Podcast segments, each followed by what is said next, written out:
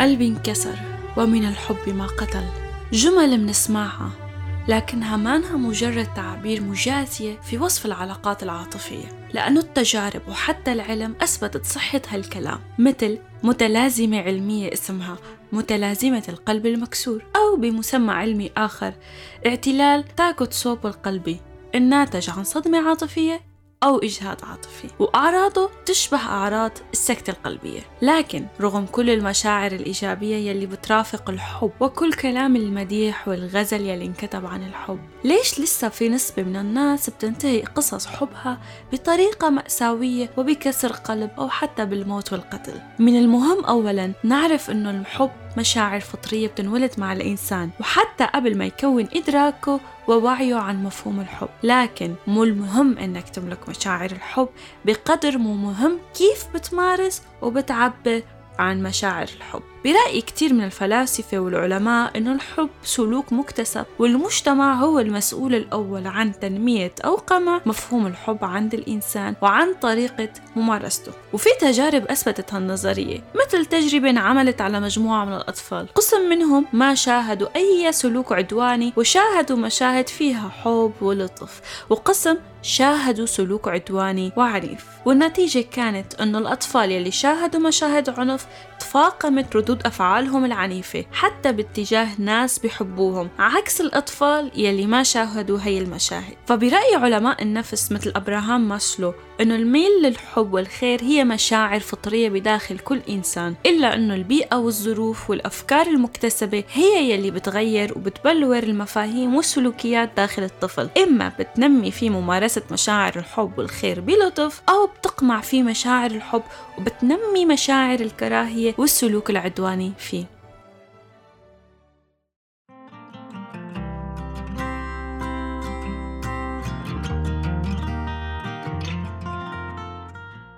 أعزائي مستمعي راديو الآن في كل مكان أهلا وسهلا فيكم. مرة أخرى معي أنا أميتة سكرات من بودكاست مخمخة بموضوع علمي جديد عن سلوكياتنا ونفسيتنا البشرية. موضوع اليوم هو الموضوع يلي هو جزء أساسي من حياة كل إنسان وهو العاطفة والحب. فإمتى بنعرف حالنا نحن في علاقة سليمة وصحية ولا في علاقة سامة؟ كيف نحمي حالنا من العلاقات السامة؟ العلامات اللي بتدل على العلاقات الصحية وعلى الشخص الصح. وليش بعض العلاقات العاطفية بتنتهي بشكل عنيف ومأساوي؟ وشو هن الخرافات المنتشرة والمفاهيم المغلوطة عن الحب في مجتمعاتنا؟ كل هاي المحاور وأكثر بكتير رح نتناقش فيها مع ضيفي الأخصائي النفسي محمد رضا اللواتي. محمد رضا اللواتي هو أخصائي نفسي بدرجة ماجستير في علم النفس الإكلينيكي من المملكة المتحدة واختص في العمل مع البالغين يلي عندهم اضطرابات المزاج والقلق واضطرابات شخصية. كما أنه هو متدرب تحت إشراف اليونيسيف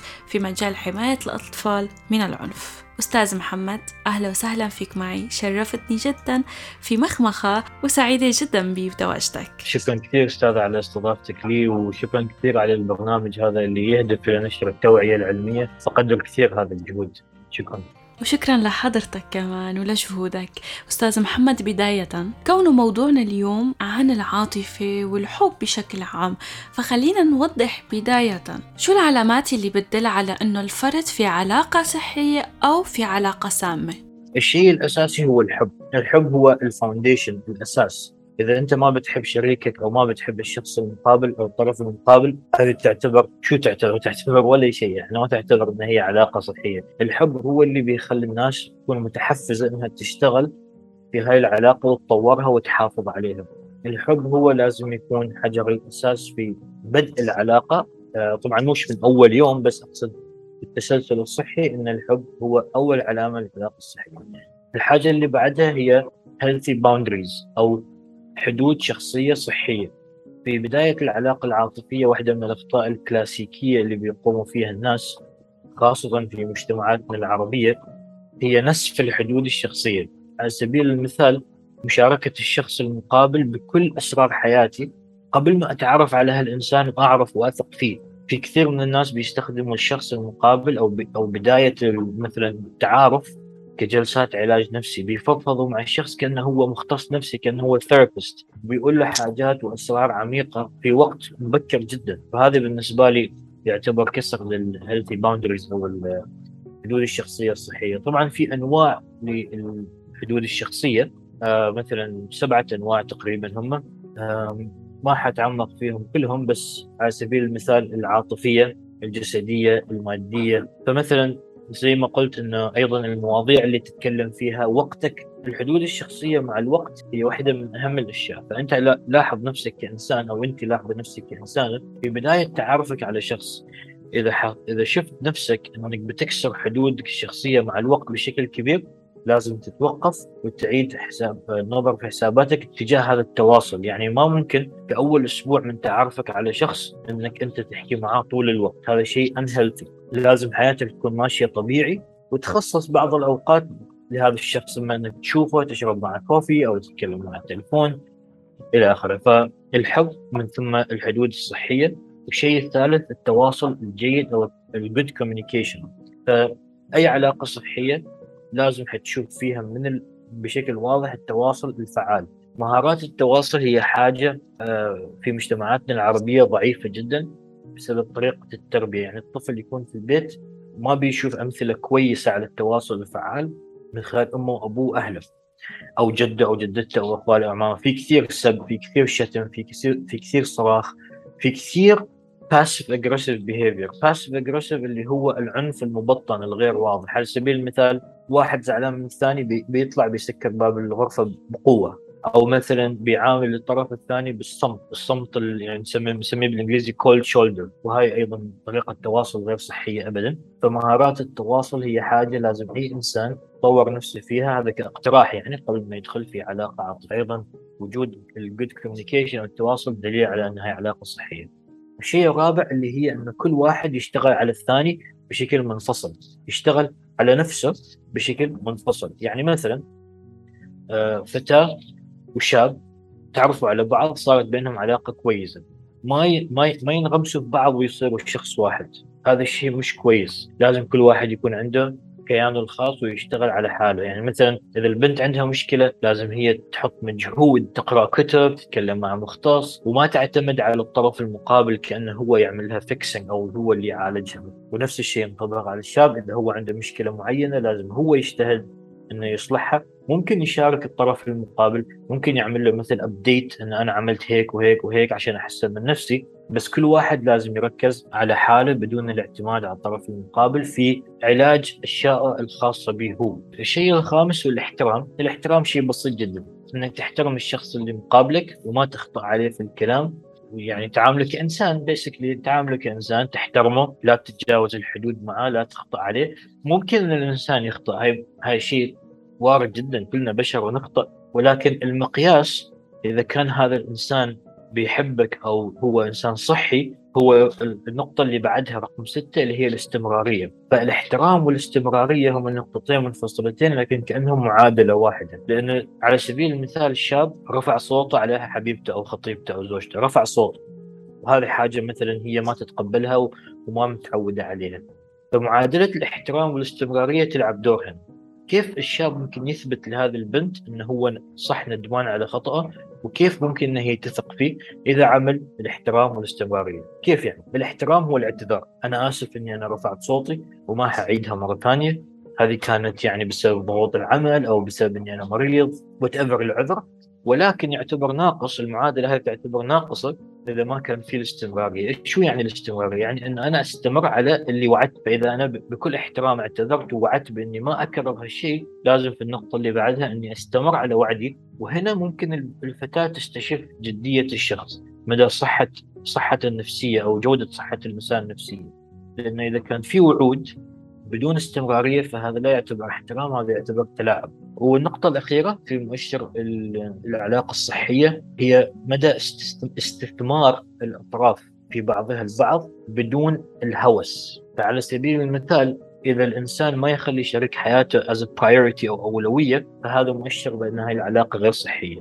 مثال كلاسيكي أنه كثير من الأزواج بعد الزواج مثلا تصير مشاكل بين الزوجة وأهل زوجها. الزوج ياخذ صف أهله ضد زوجته أو خطيبته أو حبيبته فهذا معناته ان هي مش أولوية وأنه هو ما يستثمر فيها. الشخص الذكي في هالمواقف ما ياخذ صف أي حد من الطرفين ويحاول يلعب دور مصلح.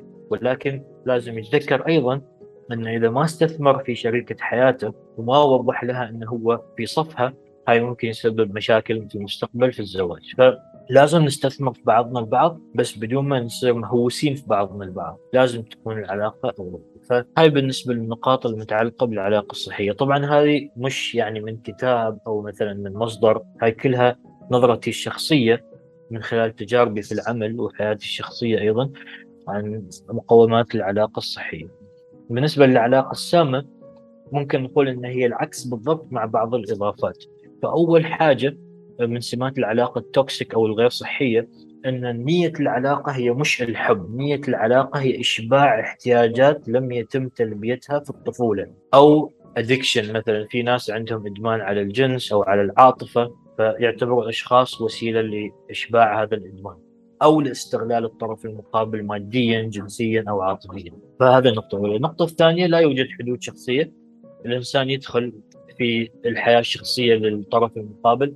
وواحده من الامثله الكلاسيكية هي لما شاب وشابة يتعرفوا على بعض. طبعا أنا ما بعمم بس اللي أشوفه على الأغلب إن الشباب هم اللي يقوموا بهالشيء. وفي أيضا إناث يعني مثلا 60 ل 40% هو التدخل المبالغ في اختيارات الطرف المقابل. مثلا كيفية استخدامه لوسائل التواصل شو بيلبس وين بيروح. هذه كلها تعتبر آه، كسر صارخ واضح للحدود الشخصية. في ناس بتحط أجهزة تعقب في التليفونات في السيارات وهاي. مش غيرة. العرب عندهم مشكلة مع مفهوم الغيرة. ما يعرفوا يفرقوا يفرقوا بين الغيرة وبين الهوس والتحكم. الغيرة هي حاجة شعور طبيعي جميل. أحيانا كثيرة ما بيضر بالعكس بيحسس الطرف الثاني بالاهتمام. اللي نحن بنشوفه على أرض الواقع هذا مش غيرة هذا هوس وتحكم وأحيانا يوصل إلى اللا عقلانية في التصرفات. الشيء الثالث لا يوجد تواصل فعال. ممكن على السريع فقط أشرح خط ال communication أو خط التواصل. So, لما نشرح للناس أو بنعلمهم عن ال communication skills بنبحث عن مهارة الحزم أو ال assertiveness الحزم هو قدرة الإنسان على التعبير عن نفسه بشكل متوازن وواضح بدون ما يجرح الطرف المقابل وبدون ما يجي على حساب نفسه أو يلغي الاشياء اللي هو أو احتياجاته هو. بنعملها زي خط في ثلاثة نقاط. أول شيء الباسف أو الشخص الخاضع أو اللي ما بيدافع عن نفسه. ومن ثم في النص الشخص الحازم الأسرتيف وبعدين عندك العنف الأجريسور العنيف فالبشر كلهم موجودين على هذا الخط وفي مختلف العلاقات بيتغير بتتغير نسبة يعني وجودهم في هذا الخط. يعني مثلا الواحد مع زوجته حيكون مثلا 60% يعني قريب من الحازم مع مديره في العمل بيكون 30% قريب من الحازم أو الخاضع هي يختلف من شخص لآخر. فالطموح هو دائما إن الإنسان يكون من بين 30% إلى 60% في هذا الخط. أي أي شيء فوق ال 60 ممكن ندخل نبدأ ندخل شوي شوي في خانة العنف ال aggressive behavior وهذه الحاجة منثره وتهدم العلاقات بين البشر. وأي حاجة أقل عن 35% هي حتكون كاسب وهي تضع الإنسان عرضة ان الناس تخطأ عليك تتعدى عليك وانت مش حتدافع عن نفسك وهي حتسبب مشاكل نفسية كثيرة للإنسان. باختصار عدم تواجد مهارات التواصل الفعال الايجابيه دليل على علاقة سامة. النقطة الرابعة في العلاقة السامة يكون في كثير من إلقاء اللوم على الطرف المقابل و... ويكون في إنه أي في أي وقت يحصل في نزاع أو اختلاف ما في هدوء ولازم يكون الطرف المقابل هو المخطئ في هجوم اوتوماتيكلي وفي العادة الناس اللي بيعملوا هيك هم عندهم مواقف صعبة في الطفولة. تعرضوا للعنف فيصير عندهم حساسية اتجاه الفيدباك أو التغذية الراجعه مثل ما نسميها. فبيلوم الطرف المقابل. خلينا نسميها النقطة طريقة الخلاف. إذا نختلف بطريقة حضارية هذه علاقة صحية. إذا بنختلف بطريقة هجومية وبإلقاء اللوم هذه تعتبر علاقة سامة. الشيء الخامس اللي هو ال gaslighting والالاعيب النفسية. so ال gaslighting تقنية خلينا نسميها أو أداة يستخدمها الأشخاص آه، آه، بعض الأشخاص اللي لديهم مشاكل نفسية للتلاعب في الطرف المقابل. يقول لك إذا تريد تتحكم في إنسان آه، اكسره، اكسر تقديره في نفسه وخليه يشك بالواقع، فهذا هو ال gaslighting، ال gaslighting ما متأكد إذا في إلا مصطلح باللغة العربية بس هو بما معناه أنك أنت بتخلي الطرف المقابل أو الضحية يشك في في الحقيقة يشك في الواقع. مثلا اثنين ماشيين في مجمع تجاري حبيب وحبيبته أو يعني what اللي بينهم آه الشاب عنده مشكلة إنه بيبص على النسوان كثير. والزوجة أو الشريكة بت بت بتقول له بتقول له إنه غلط أنا ما أحب إنك أنت تعمل هيك وهذا الشيء غير مقبول وكذا برغم إن هي شافته بعينها هو بيحكي بيقول أنت تهيئين. أنا ما عملت شيء أنا بشوف على المطاعم وكذا. فتبدأ المرأة أو الأنثى هنا في هالمثال إنها تشك في نفسها وبتشك ان هل أنا بتهيأ؟ هل أنا عندي مشكلة؟ وال gaslighting هو شيء خطير جدا وممكن يخلق مشاكل نفسية للطرف المقابل. أسوأ شيء ممكن يصير هو فقدان كامل للقوة العقلية. يعني في حالات نادرة بيصير عندها الشيء وشيء خطير جدا. أيضا الألاعيب الذهنية النفسية الأخرى اللي هي مثلا ما بنتطرق لها كلها بس الكلاسيك هو التلاعب النفسي بالابتزاز العاطفي. فعلى سبيل المثال البكاء الشخص بيخطأ خطأ فادح أكثر من مرة وبيوعد أنه هو يصلح وما في إصلاح بس كيف بيكسب رضا الطرف المقابل؟ بالبكاء. وأن أنا بدونك ما بقدر أعيش أنا هعمل في نفسي شيء وأبكي وكذا يبتز عاطفيا. والشخص المقابل إذا كان ما يعرف كيف يحط حدود شخصية ومش واعي ممكن يعني يستجيب لهذه التهديدات ويرجع. آه، الشيء السادس هو العنف قلة الاحترام. تكلمنا عن الاحترام سابقا. العنف معروف أيضا العنف يحتاج حلقة خاصة لأن الموضوع كبير. بس العنف أنواع والعنف النفسي هو العنف اللي الناس ما بتحكي عنه كثير. العنف النفسي ممكن يبدأ بشيء صغير جدا اللي هو انتقاد الشريك في حاجات ما لها داعي. والعنف النفسي ممكن يزيد بالتهديد بالمقارنات بالشتم والحاجات اللي زي كذا. آه رقم سبعة اللي هي عدم الاستمرارية اللي بالإنجليزي نسميها الانكونسستنسي في ال healthy أو العلاقات الصحية قلنا الاستمرارية هي حاجة كثير مهمة. فال inconsistency يعني مثلا الشخص بشخصية معينة اليوم اليوم الثاني هو شخصية مختلفة. كيف كذا؟ يعني ما معقول. هاي حاجة ما معقولة. ممكن الإنسان يكون على نفسه هو نفسه بس عنده السمات تظهر أحيانا لكن اختلافات كبيرة. يعني مثلا اليوم أنت بتحب الشخص بتموت فيه اليوم الثاني ما بتسأل عنه. هذه نعتبرها red flag واضح جدا. و... وأنا لو كنت في مثل هذا الموقف والطرف المقابل عمل لي هيك حخاف يعني حرجع خطوات لورا وأكون حذر جدا. والشيء الأخير اللي هو إنك أنت ما بتكون مستثمر في العلاقة وما تضع شريكك كاولويه زي ما حكينا في العلاقة الصحية فما في داعي ان أزيد أكثر في الموضوع.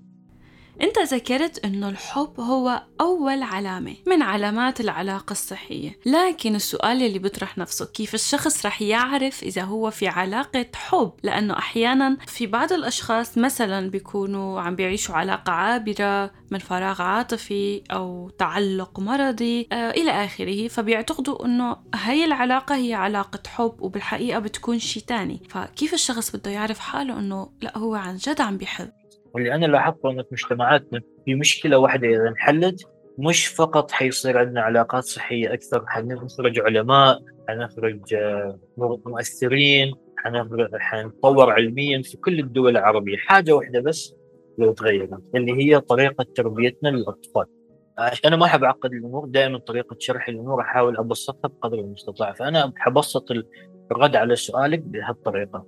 الإنسان يا أنه يحب بطريقة يعني هي طبيعية والحب حاجة لا تضر ما فيها ألم ما فيها ضرر للطرف المقابل فالحب نوعا ما يعني تكلمنا عنه وما حنخلص إذا تكلمنا عنه بس الشيء المقابل في الطرف المقابل هي حاجة حتى concept التعلق المرضي ما ما يوفيها حقها. هي حاجة أشبه بال باللغة الإنجليزية يسموها trauma bonds trauma bonding فال trauma هي الصدمات النفسية أو تعرض الإنسان للصدمات في السابق وال bonding هي العلاقة مثلا. فخلينا نقول إن هي علاقات مبنية على صدمات نفسية.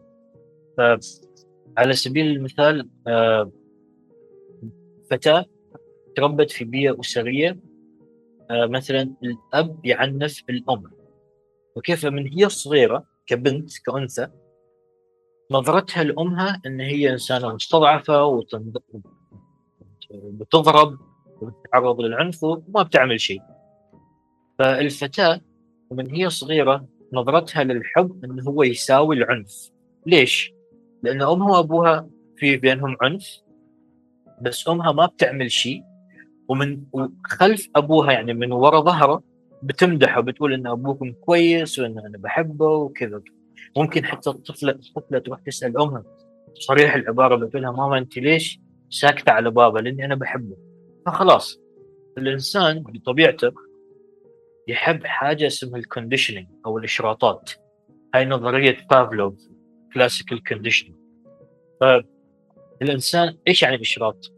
يعني بقول حب وتجي الصورة في المقابل أو شيء بيوازيه بنحب نلصق شيئين مع بعض عشان ندي له معنى. فهو مثلا إذا الإنسان قال لون معين مثلا نقول اللون الأحمر. حيجي لك مثلا آه، فريق كرة قدم بالنسبة لي أنا الأزرق لون سيارة معين أو لوني المفضل. إذا قلنا مثلا الفلوس أو المال حتجي لك جملة معينة أو صورة مرادفة لها. على سبيل المثال في أشخاص بتقول لهم الفلوس بيقول لك وسخ دنيا. في ناس بتقول لهم الفلوس بيقول لك إن هي أهم شيء في الحياة. حاجة زي كذا. فهذا في هذا المثال الفتاة بالنسبة لها الحب يعني العنف. فلما بتدخل في علاقة مثلا غير صحية. هي ما بتعرف انها هي هي بالنسبة لها هاي شيء طبيعي جدا. فهاي واحد من التفسيرات ليش الناس بتتلخبط موضوع الحب وبتلصقه وبتلصق على الحب صفات وسمات غير صحية أو بتشوه سمعة أو صورة الحب. الحب شيء نقي ما في عنف.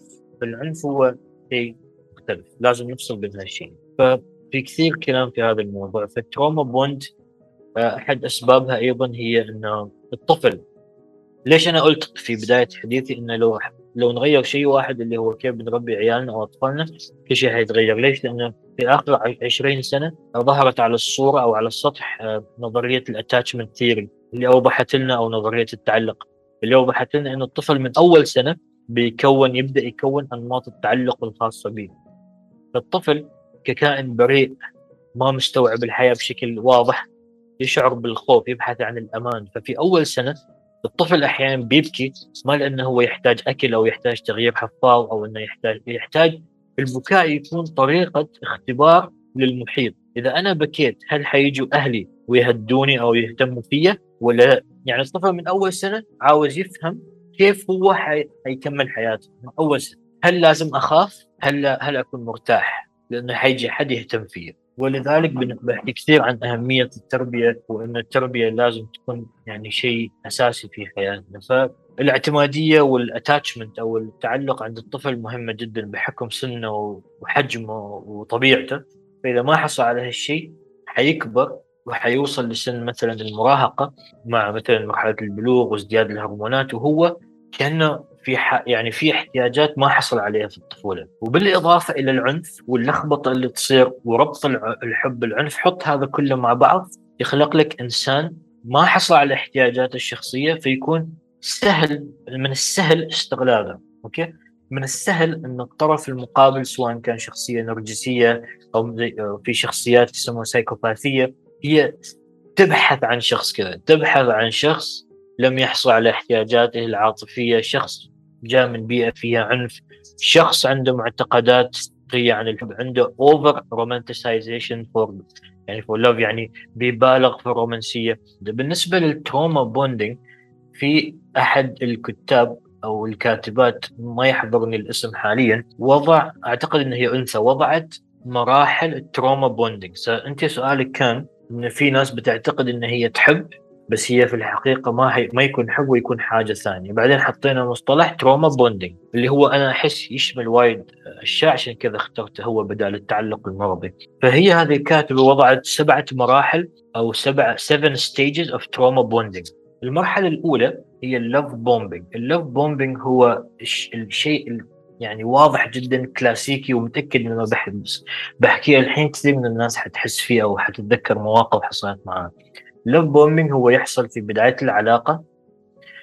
ويكون في طرف خلينا نسميه الضحية والطرف مثلا اللي هو عاوز يعني يستغل الطرف الثاني مثلا.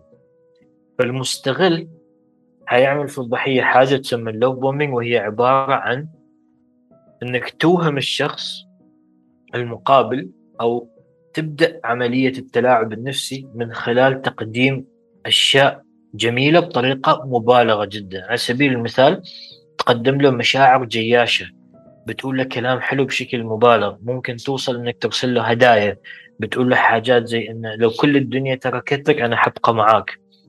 فالهدف من هذه المرحلة بالنسبة للشخص المعتدي أو مثلا النرجسي هي إن أنت بت بتبني attachment بيصير عندك مثل التعلق عند اتجاهه هو.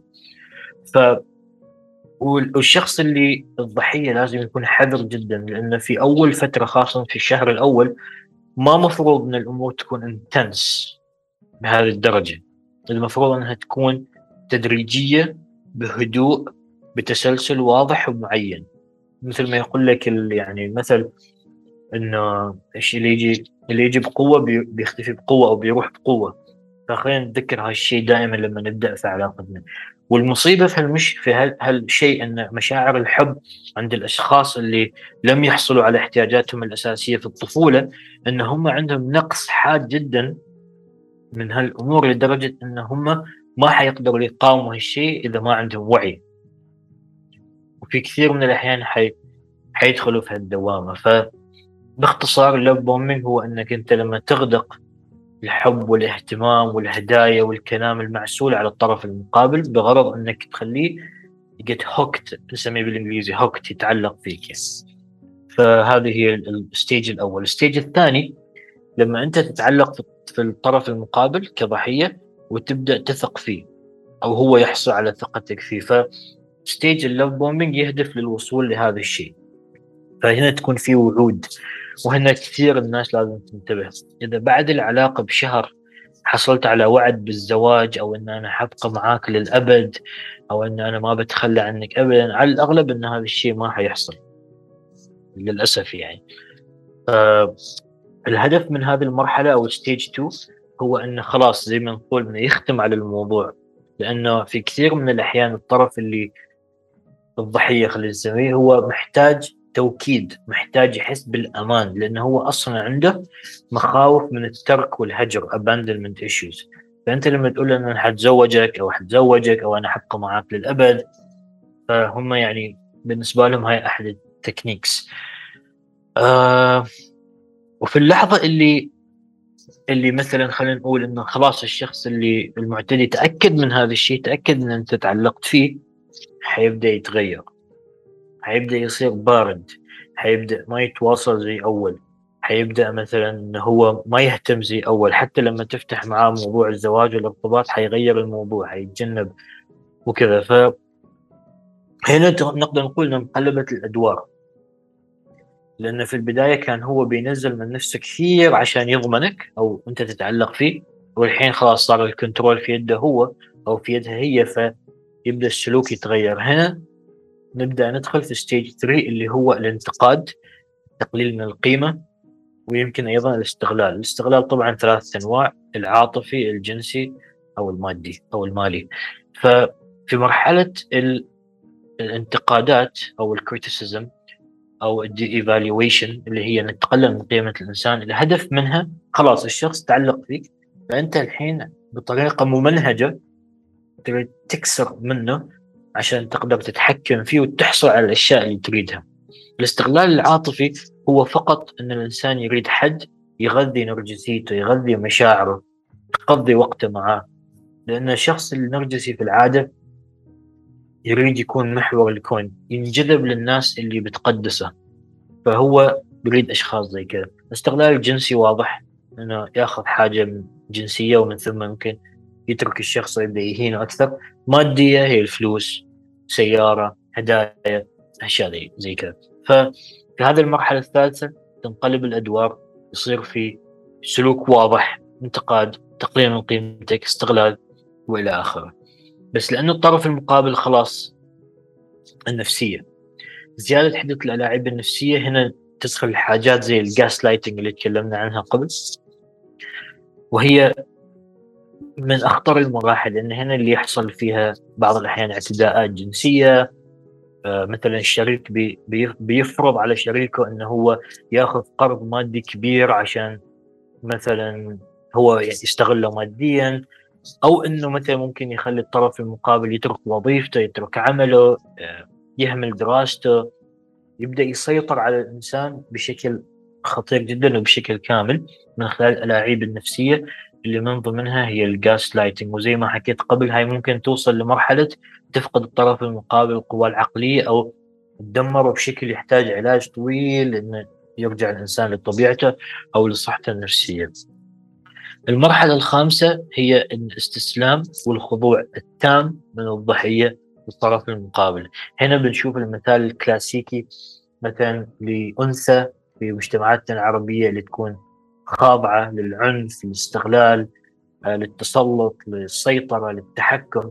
وللأسف الشديد في كثير من الأحيان هالشيء يكون أصلا هو التربية طريقة التربية. قبل ما تتعرف أصلا على شريك شريك معين يعمل فيك حاجات زي كذا ممكن أصلا أنت تربيت بطريقة أنك الأنثى لازم تكون خاضعة.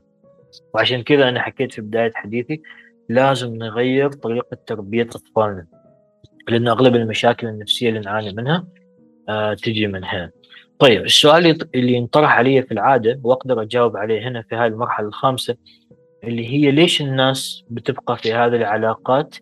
آه لأنه الضحية ما زالت تحاول في هذه المرحلة أنها ترجع لل stage number 1 اللي هو الحب الاهتمام المبالغ اللي كان في البداية.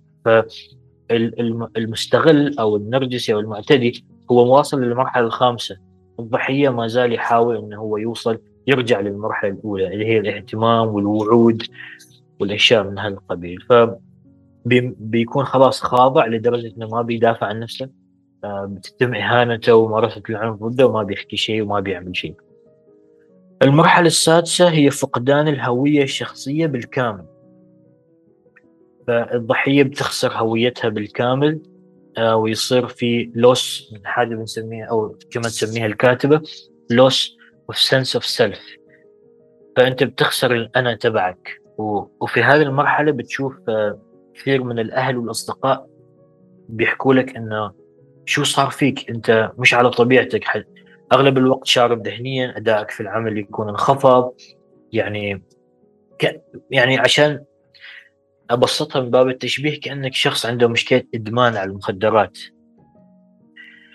بس أنت إدمانك كما كما بتحكي الكاتبة في ال stage الأخير اللي هو ال emotional addiction أنت متعطش وخلاص أصبحت متعود على هذا ال cycle أو على هالدائرة من العنف أو الإساءة من ثم الاعتذار من ثم الحصول على اللي كنت تحصل عليه في المرحلة الأولى بشكل خفيف وهكذا. خاص كان يصير عندك زي الإدمان. وبشكل عام الدراسات العلمية بتقول إنه أحد أسباب صعوبة الخروج من هذه الدائرة هي إن المشاعر اللي بتحصل عليها أو الريورد اللي بتحصل عليه من العلاقات العاطفية يشبه كثير المخدرات.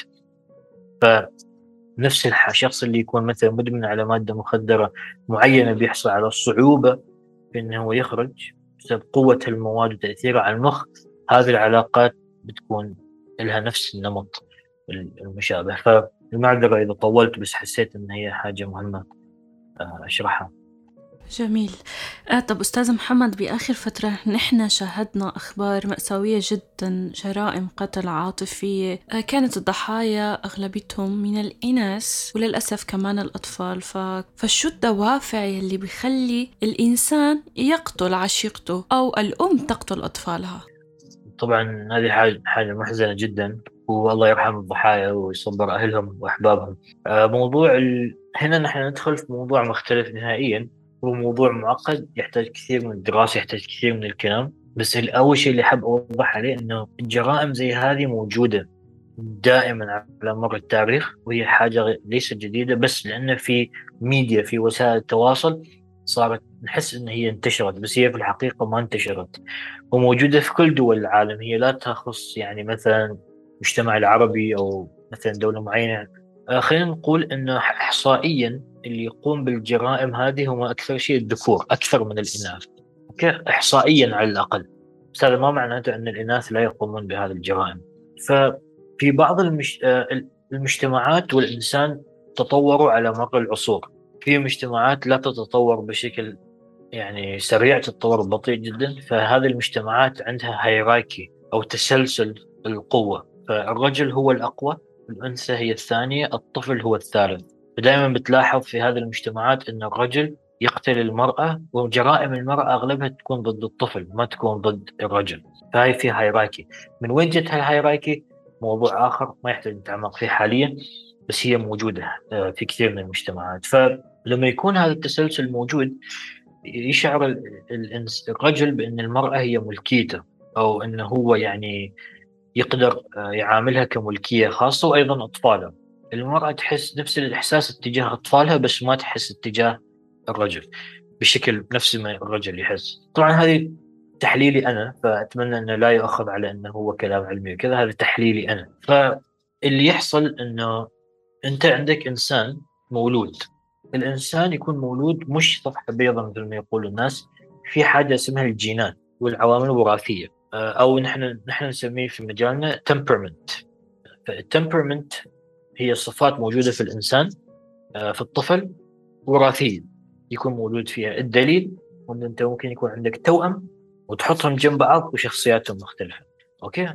فهذا يسموه temperament فأنت عندك إنسان ب temperament معين في احتمال كبير أنه هو أصلا في جيناته في عنده aggression أو عنف زائد جدا أو عصبية مم.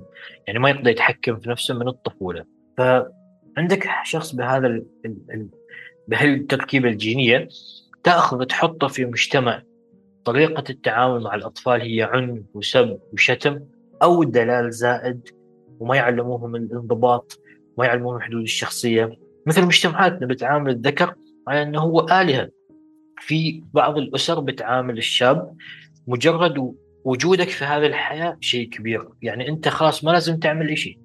فهاي بتخلق النرجسية. ال entitlement grandiosity عند الشاب العربي أو أي شاب في مجتمع يشبه مجتمعاتنا العربية. فعندك جينات عندك طريقة التربية الخطيرة هذه فأنت تكبر مع الأفلام مع العنف مع الثقافة فجأة توصل لمرحلة ممكن. هاي طبعا شيء مش يعني سائد. لو لو جينا نحصد احصائيا عدد الجرائم مقارنة بعدم حدوثها هي قليلة جدا. بس من هولها بتأثر علينا وايد. يعني بنحس بالألم الشديد اللي خاصة المرأة لأنها تبدأ تفقد الإحساس بالأمان. فإذا إذا صارت عندك هذه الفورمولا أو هذه القنب الخليط أو المزيج أنت عندك قنبلة موقوتة. فعندك شخص يا حيعتدي يكون مغتصب أو يعني مجرم من هالناحية يا إنه حي حيصير مثلا antisocial personality disorder اللي كانت تسمى قبل شخصيه شخصية سايكوباثيه فممكن يعمل أشياء كثيرة مثل الاغتصاب آه، تجارة المخدرات الجرائم هذه الاغتصاب. وهالامور لا يستطيع الشخص بين قوسين العادي القيام بها. فأنت تحتاج خليط من كل هذه المكونات لتصنع هذه القنبلة الموقوتة اللي هي الجينات العامل الوراثي آه، الطفولة طريقة التربية المجتمع اللي تعيش فيه التجارب اللي يختبرها الشخص تمزجها كلها مع بعض ممكن يطلع لك شخص زي كذا. أنت قلت إنه حتى عن طريق المزاح والفكاهة الناس عم تنشر آه، مفاهيم خاطئة أو عم بتشوه بعض المفاهيم والسلوكيات عم بتنقص من قيمتها وخاصة مثل الحب. فأستاذ محمد شو في أفكار أو خرافات منتشرة عم بتشوه مفهوم الحب؟ أول خرافة اللي هي خرافة الحب الحقيقي. الحب الحقيقي آه، عند بعض الناس هو أنه الشغف يستمر دائما وأن العلاقة لازم تكون بنفس عنفوان والقوة اللي هي في بدايتها. الدراسات العلمية بتقول أن أصلا الرجل بعد الزواج بيقل عنده أصلا هرمون التستوستيرون أو الهرمون الذكوري. الأسباب شبه غير واضحة بس في أدلة واضحة أن الهرمون هذا بينقص. الرجل في البداية الرجل الصحي يفعل المستحيل ليكسب المرأة وبعد الزواج يفعل المستحيل لكي يحافظ عليها الشخص الصحي. ففي البداية ممكن يشتري لها ورود ويكون رومانسي وكذا وكذا وكذا فهي طريقة كسبه للمرأة. ويحصل على انتباهها. بعد الزواج يريد يأمن لها المستقبل يكون لها بيت يجيب لها الأغراض ويجمع فلوس وكذا. فتحصل فتشوف الرجل بين قوسين تغير بس هو في الحقيقة تركيزه تغير. الرجل الصحي هذا شفت في التركيز يكون بنفس المحفز اللي هي المرأة اللي هي زوجته. فإيش اللي يحصل؟ كثرة التركيز مش شيء صحي. اللي هو على المادة وعلى تأمين المستقبل لازم يكون في توازن. بس بعض الرجال شو يحصل معاهم؟ خاصة لما يجي أطفال في الموضوع يبدأ يصير عندهم اكتئاب وقلق بسبب الضغط النفسي نوبات اكتئاب وقلق. لما بتحصل نوبات اكتئاب وقلق الشخص ممكن يصير انطوائي ممكن يصير حاد في التعامل ممكن يصير وثدرون أو كأنه ما يريد يعني ما يتقرب من المرأة رغبته الجنسية تنزل. فالأنثى تفسر هالأمور على إنه هو يخون أو على إنه هو ما يحبني مره وما يشوفني جذابه بس هو في الحقيقة لازم نتأكد اولا إن الشخص بخير. لأن في حالات بالفعل تكون هيك بس في حالات يكون جنون اللي يعاني من أزمة نفسية بسبب ضغوطات الحياة. وأنت استاذه شايفه يعني الحياة حاليا مش زي أول. آه، كل العالم بتعاني اقتصاديا الحياة صارت غالية الإنرجي صار أغلى كل شيء صار أغلى يعني. ف والدراسات العلمية أصلا بتحكي إنه بعد ولادة كل طفل جودة العلاقة الزوجية تقل بنسبة 15 ل 20% فأنت لما بتجيب أربعة أطفال معناته إن أنت نوعا ما كأنك نسفت علاقتك الزوجية. ولذلك مثلا طفل أو طفلين كافي. هذا موضوع مختلف.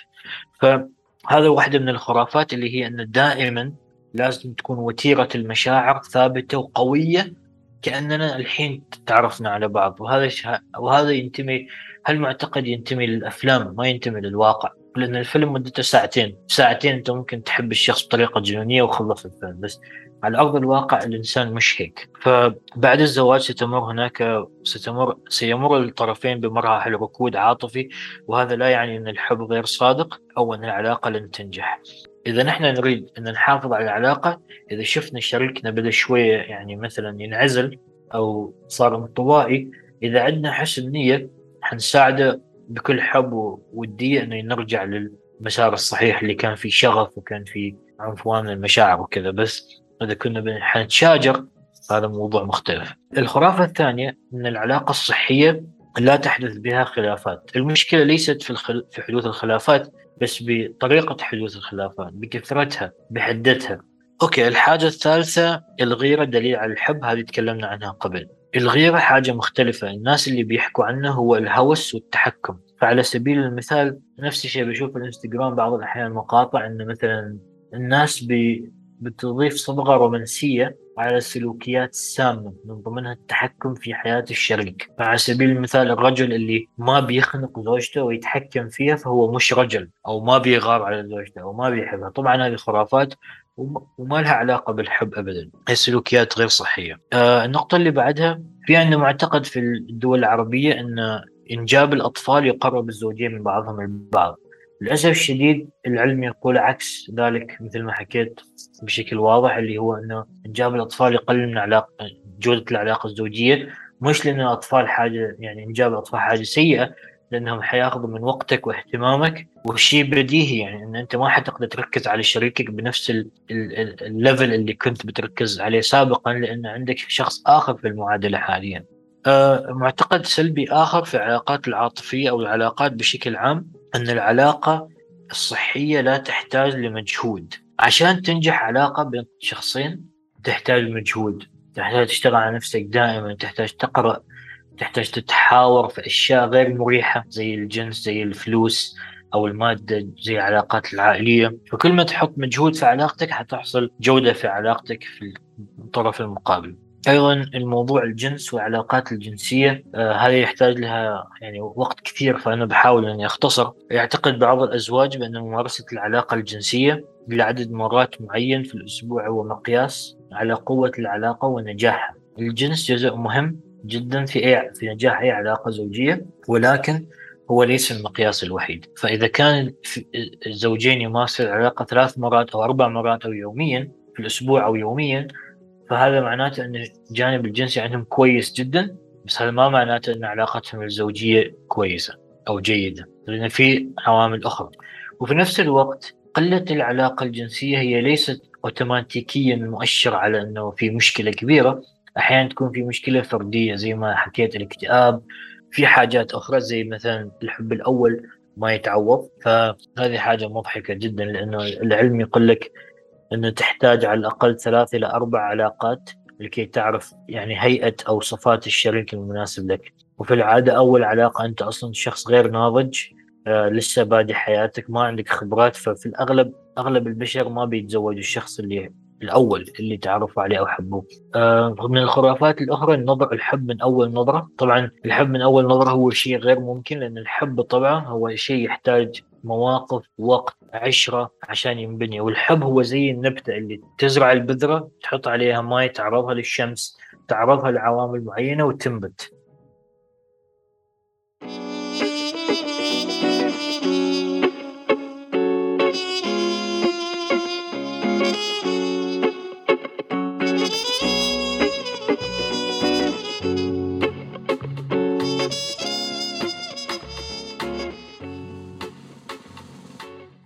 بفقرة سؤال من متابع اليوم آه ما في سؤال مباشر رح اخذه لأنه ما شاء الله أستاذ محمد أنت من خلال أجوبتك السابقة لاحظت أنك جاوبت على كل الاسئلة يلي كانت آه في بال المستمعين. لكن بدي أسأل سؤال عام من الأسئلة يلي انطرحت يلي هو علاقة فيها كثير من العنف اللفظي والجسدي والفكري علاقة فيها كثير من المشاكل. هل في أمل أنه هي العلاقة تتصلح؟ لو عبر اللجوء إلى أخصائيين ولا لا خلاص العلاقة بتكون مدمرة وما في أمل للإصلاح. بقول نعم ممكن إصلاحه إذا كان في رغبة من الطرفين. إذا كان في طرف يكابر ما يعترف بأخطائه ما بيلتزم بالعلاج النفسي الزوجي أو ال couples therapy هذه إشارة واضحة أن هذه العلاقة لا يجب أن تستمر لأن هي فقط طرف واحد اللي شغال فيها. وهذا السؤال ليش صعب جوابه؟ لأنه لازم تأخذها كحالات فردية ولازم تراعي كل الظروف لأن نحن كبشر فريدين يونيك وما أو أنا ما أحب الإجابات العامة خاصة في مثل هالأسئلة لأنه تظلم فردية الإنسان وفردانيته. فالنقطة الأخيرة في حاجات غير قابلة للنقاش زي العنف.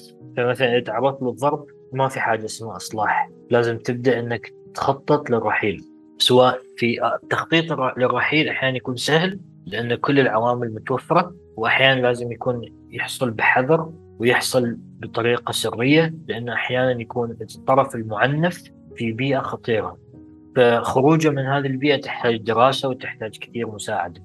ففي خطوط حمراء ما في مجال الإصلاح منها. العنف الأذى واستمرار الخيانات. يعني مثلا إذا حصلت خيانة ممكن بالعلاج النفسي الزواج يتعدل ويرجع طبيعي وتكمل وتكتمل الحياة. بس يكون في استجابة من الطرفين. بس الخيانة المتكررة واللي ما فيها إحساس بالندم وما فيها مراعاة الطرف المقابل هذه ما في أصلا داعي للإصلاح فيها. شكرا كتير أستاذ محمد لكل هالمعلومات القيمة ولجهودك الطيبة في نشر التوعية الصحية النفسية وخاصة في هيك موضوع مهم وهو العلاقات. فشرفتني جدا وبتمنى للمستمعين أنهم سمعوا بودكاست مفيد وغني بالمعلومات. إلى اللقاء في الأسبوع القادم بموضوع جديد. دمتم بأمان الله. الشرف كان لي أستاذة. شكرا كثير على استضافتي وشكرا كثير على جهودك في التوعية.